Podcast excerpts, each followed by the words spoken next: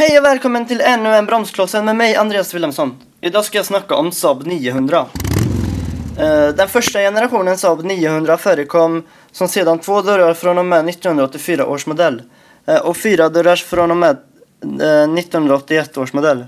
Halvkombi tre eller fem dörrar och öppen två tvådörrar från och med 1986 års modell med ett antal motoralternativ som alla var 2 liters fyrcylindriga bensinmotorer med vars bränslematning. Förgasare, utsprutning och turbo varierade. Dessutom tillverkades en 20 cm förlängd eh, version av fyradörrarsmodellen benämnd 900 CD 1981 till 1986. Förutom eh, det ökade utrymmet eh, var denna version extra lyxigt inredd och fanns endast med turbomotorer.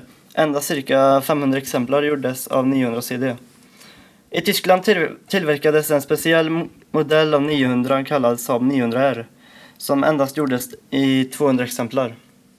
Det som är skillnad med Saab 900 och 900R var att den hade en speciell metallic-lack från Opel. Tack för att ni lyssnade och eh, sköt om er så hörs vi i nästa podd. Hej då!